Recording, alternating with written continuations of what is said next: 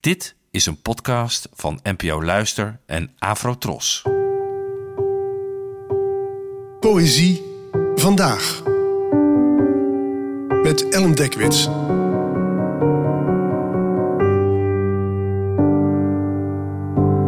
Hallo, fijn dat je luistert.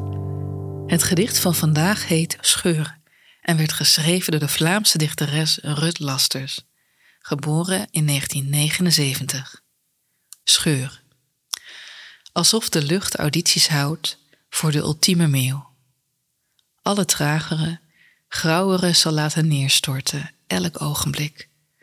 Daar rekenen we ergens op een onwijs gave appel, die plots voor ons ligt. Met klem, met ik word terstond rot tenzij je schreeuwt dat je tot nog toe alleen appels bij benadering at. En haast opgelucht dan zie je daar een fitte bal. Ginds aan een lijn een laken met een scheur, waar je toch doodgewoon doorheen stapt, naar een tuin waar al het linnen nog intact, maar in de mand daar, in de plaats van was, alle zomaarappels waar je je jarenlang over gevreten had, en hoe reusachtig uitgesloten dan de terugkeer. De betere poëzie bevat altijd iets ongrijpbaars. En die betekenisonzekerheid zorgt bij de een voor frustratie, maar bij de ander voor magie. En voor mij is er van dat laatste sprake bij het gedicht dat u zo even hoorde. Aan het einde van dit vers wordt er opeens gesproken van een zogenaamde terugkeer. En ja, dan begint het in mijn hoofd lekker te knetteren hoor.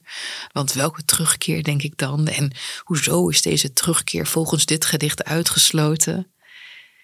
Is het een teruggang tot een moment dat nooit meer plaats zal hebben? Naar die ene perfecte appel of die ene ultieme meal? Je voelt het misschien aan, maar zeker weten doe je het nooit, waardoor het voor mij werkt. En gedichten lijken soms ook een beetje op mensen. Een mens kan je ook aanvoelen, maar nooit helemaal voorspellen. Je ziet altijd jezelf ook als je naar een ander kijkt en je ziet een samenballing van onzekerheden.